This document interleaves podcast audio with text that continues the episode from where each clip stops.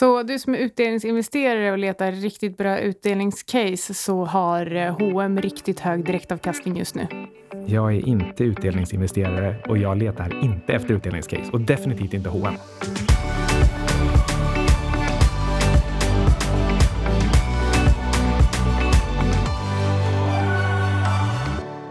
Just vi ska alltid kallprata lite i början av avsnitten så att vi känns lite avslappnade så att folk tror att vi har en eh, normal relation. Du låter lite trött. Mm, jag um, testade Cirkelabbets um, ehm, 100 kettlebell swing i 107 dagar med dag ett idag. Jag uh, skulle springa intervaller på morgonen innan mitt första morgonmöte och så fick jag lite feeling.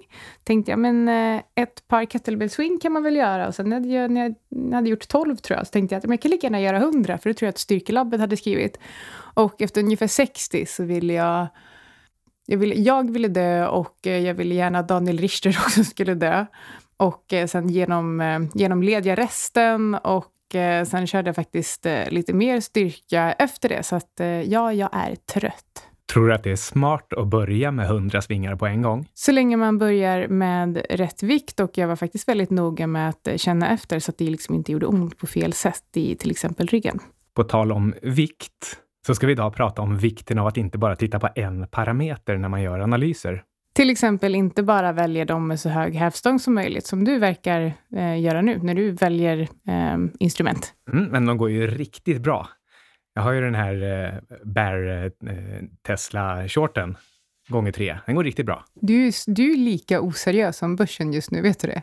Börsen är aldrig oseriös. Har du inte hört att Göran Persson, eh, bland annat på precis perfekt på toppen år 2000, sa att börsen har aldrig fel och han har faktiskt rätt. Det stämmer, men eh, man kan fortfarande ha rätt och vara oseriös.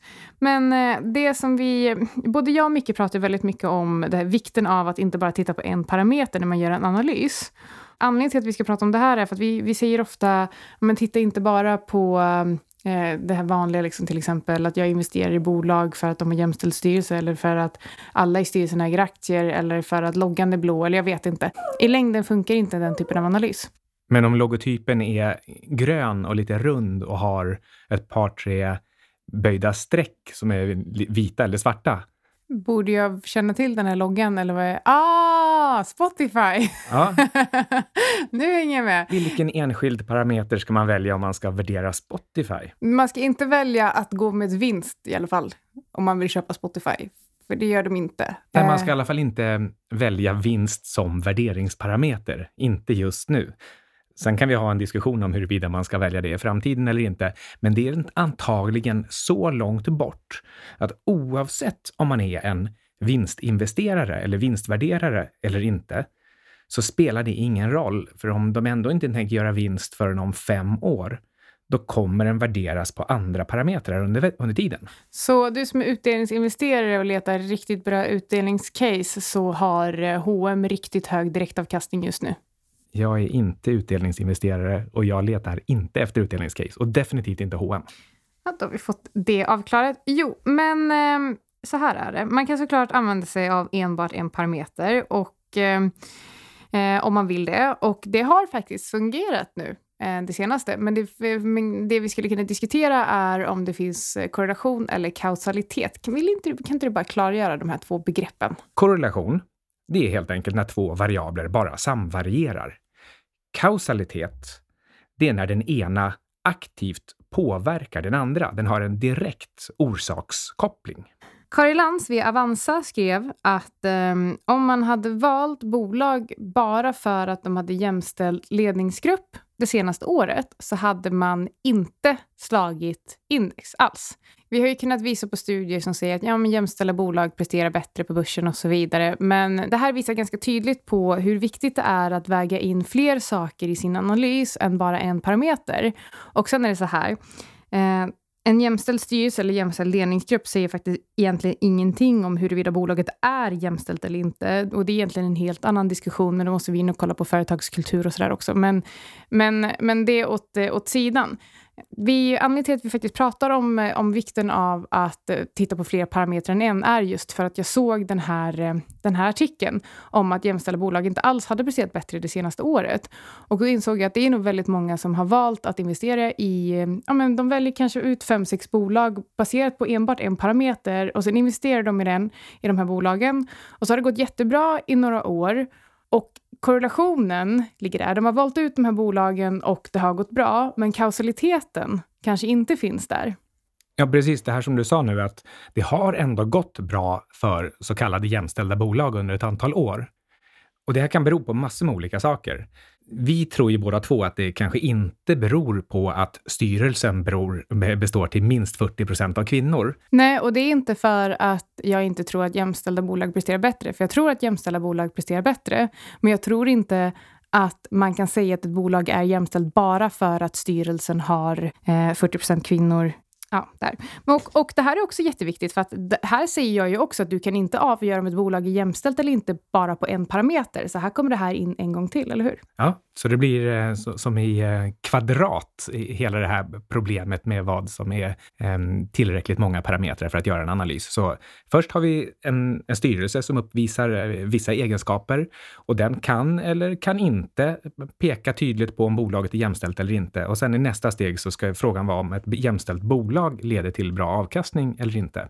En fråga i sammanhanget, det är varför bolag med hög andel kvinnor i styrelsen faktiskt gick bra under några år. Och det här kan vara massor med olika saker. En, ja, de kanske faktiskt var lite mer jämställda. En annan, det är att det här var vakna och pigga och trendkänsliga företag som eh, de, de ville göra någonting, de ville skapa någonting. Eh, och då Eh, var det här? En, ett litet uttryck för att de försökte göra någonting. Jag gillar inte det du säger nu, för det låter nästan som att du säger att trend, det trendkänsliga var att kvotera in kvinnor. Ja, det var ju absolut inte ja, det jag sa. Jag tyckte att det lät väldigt negativt. För att jag, tror, jag tror absolut, som, som jag sa innan, att jämställdhet leder till bättre resultat. Men jag tror inte att du kan säga att någonting är, är jämställt för att det finns en jämställd styrelse. Och jag tror inte att eh, vi kan säga att bolag hade si och så många kvinnor i en styrelse för att de var trendkänsliga. Men det är inte omöjligt att bolag som låg rätt i tiden, som hade rätt tänk, som kanske också var jämställda, att de också hade högre andel kvinnor i styrelsen. Ja, här kan vi faktiskt prata om, det här skulle kunna finnas någon form av kausalitet, där inte bara styrelsen var jämställd, utan hela bolaget, fast det har inte vi mätt. Nej, precis. Men att styrelsen utgjorde ett symptom på jämställdhet. Så precis, man skulle kanske kunna göra någon hobbyanalys och säga att om styrelsen är ett symptom av att ett bolag är jämställt så kan man också se en kausalitet med högre resultat. Men om styr bara styrelsen är jämställd så finns det inget samband och eh, kanske inte ens en korrelation. Nej, eh, styrelsen kan vara ett av många symptom, men inte alltid. Och det är därför det blir en så himla svag variabel. Och det är väl också därför som det var så lätt för marknaden att först gynna de här bolagen och sen plötsligt det senaste året absolut inte gynna dem. Exakt. Men det var inte jämställda bolag vi skulle prata om idag, utan eh, lite mer om endimensionella analyser. Och eh, jag tänkte att vi skulle prata lite om Dunning-Kruger-effekten. Ja, vill du förklara Dunning-Kruger-effekten? Så väldigt enkelt förklarat att ju mer man, eh, ju mer man läser, lär sig, desto mindre inser man att man vet och kan. Och eh, någon som precis har börjat investera och som kanske har gjort eh, två stycken turinvesteringar eh, uppfattar det här som att eh, det beror på kompetens och kunskap snarare än tur. Så i de två ändarna av spektrumet så har vi superforskaren som har eh, läst och studerat hela sitt liv och då tycker jag kan ju egentligen ingenting. Jag förstår inte universum. Det är bara frågetecken överallt. Och på den andra sidan en total newbie som tycker Fan, jag, jag har koll på läget. Jag förstår det här nu. Precis. Och eh, vem är du då? Jag har en, ett annat. Jag, jag har ett gudkomplex. Det är när man faktiskt har en hög kompetensnivå, men så tror man att man har ännu högre kompetensnivå. Det finns faktiskt en rolig historia här där um, vi har en liten chattgrupp på WhatsApp med lite vänner och uh, då var det en av våra vänner som skapade en grupp med Micke, döpte om gruppen till Forever Alone och sen lämnade gruppen så att Micke blev ensam. Och det här tyckte vi var jätteroligt, men uh, Micke bara ägde situationen och döpte om hela gruppen till Supreme Being. Det är den nivån vi ligger på emellanåt med våra vänner. Och där satt jag i min grupp. Är det ensamt på toppen? Det blåser, det är lite kallt, men det är fantastisk utsikt. Härligt. Men vilka parametrar bör man titta på då? Vi kan ju sitta här och ropa att ni inte bara får titta på en hur länge som helst, men om vi ska ge lite handfasta tips och råd då? Ja, vill du säga någonting eller ska jag säga någonting härligt filosofiskt och fluffigt först? Kan inte du bara fluffa till det lite så kan jag reda ut dina belägg sen? Mm, då börjar jag med att bara konstatera att allt funkar och inget funkar. Så du kan börja med att titta på vinstmultiplar som P tal ev-ebit till exempel. Du kan också titta på skuldsättning om du vill och bara basera på det. Eller bara på salesmultiplar eller bara price book-multiplar. Du kan välja vilken du vill eller vilken kombination du vill av flera av de här standardmultiplarna. Och sen är det bara att köra.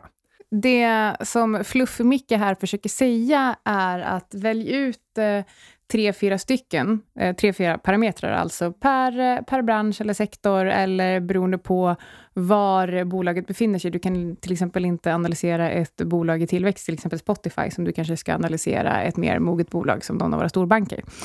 Och eh, lär dig de här, eh, lär dig de här utan till så att de verkligen sitter i ryggraden. Och när du, har, eh, när du har gjort det, då kan du lägga till några fler. Och eh, olika parametrar ska väga in olika mycket för själva slutanalysen. Du kan inte välja fyra parametrar som ska få väga in 25 procent vardera. Utan om du till exempel väljer att ett starkt varumärke ska få utgöra en del av din analys så kanske den inte ska ha lika mycket tyngd som ett starkt kassaflöde till exempel. Eller vad tycker du? Verkligen. Sen är frågan hur du ska komma fram till vilken eh, parameter som ska ha högre vikt än någon annan. Och det här är någonting som du får lära dig över tid.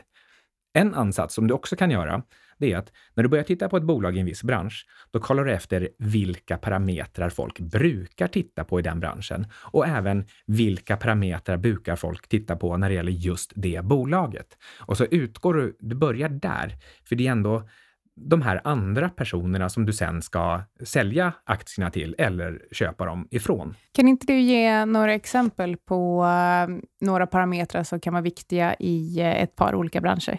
Inom bank, då tittar man typiskt på price book och på return on equity. I eh, mer eh, traditionella tillverkande företag så brukar man titta på ev-ebit, ibland på price sales, men eh, även komplettera med return on equity. Det är, det är faktiskt ingen dum multipel alls det.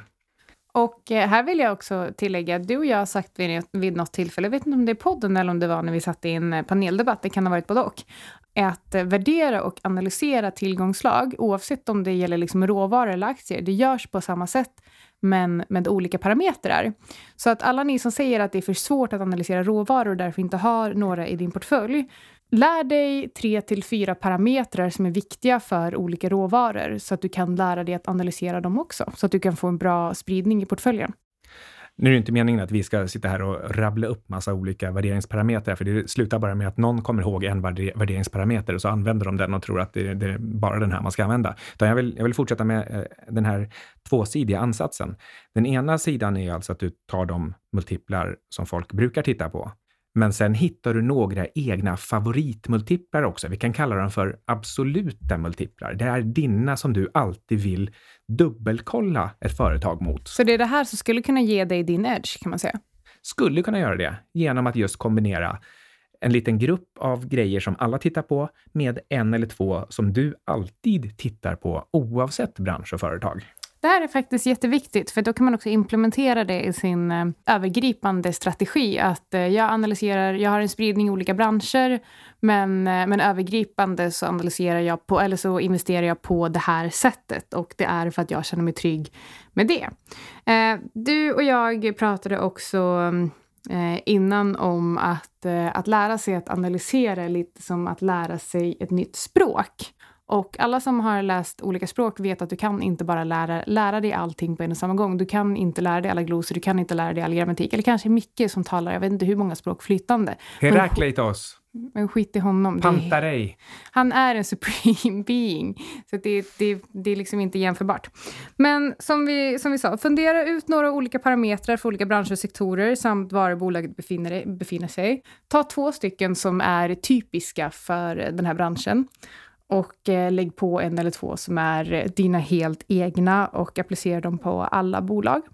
Och bara börja och börja bygg och torrsimma och se om de här variablerna som du har, har valt ut, om de verkar funka på något sätt.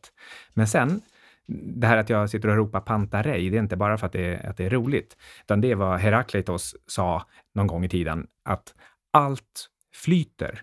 Och det här gäller i synnerhet börsen och även språk, nu när du tog den parallellen. Det är inte så att du kan bygga ihop en perfekt värderingsmodell idag och tro att den funkar om fem år. Och eh, på tal om det så är det också så här att eh, vi har ju nämnt eh, vid tidigare tillfälle att eh, traditionella yrken som till exempel analytiker och så kommer, kommer försvinna, eller i alla fall eh, på det, på det sättet som de fungerar idag. Och det är ju för att eh, vi har modeller som kan analysera och läsa av big data och liksom till exempel 150 miljoner datapunkter i, eh, liksom på en gång. Arabesk gör ju det till exempel. Så, så hur, om, om, man nu vill, om man nu vill bli riktigt, riktigt duktig på att analysera så skulle jag ändå rekommendera att lära dig programmera och lära dig bygga dina egna modeller för att då kan du lägga in hur många olika parametrar du vill och testa dig fram. Men börja, börja ändå med några stycken. Men innan vi slutar, så vi måste ju faktiskt eh, plocka upp den här lilla cliffhangern om eh, Spotify. Just nu så handlar Spotify i en gråmarknad. Det här är alltså måndag 26 mars. Och man, man kan hitta den här handeln på IG. Där står Spotify i ungefär 25 miljarder dollar. Hur kommer man fram till den här värderingen egentligen? Svår fråga. Mm, och det är det vi egentligen lämnar till dig som lyssnar. Vad vill du basera det på? Antal betalande kunder? Kanske potentiella prishöjningar i framtiden?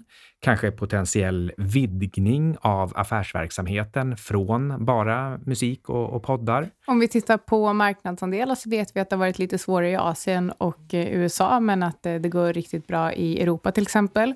Hur kommer den utvecklingen att fortlöpa? Kommer de kunna ta större marknadsandelar på platser där det är svårt idag?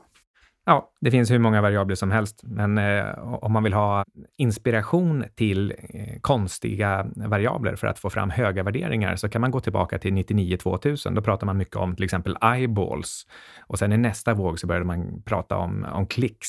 Nu vet jag inte eh, vad man hittar på för, eh, för märkliga sätt att eh, motivera extremt hög, höga värderingar. Men vad gäller Spotify så jag har ingen som helst synpunkt på om det här är en hög eller låg värdering.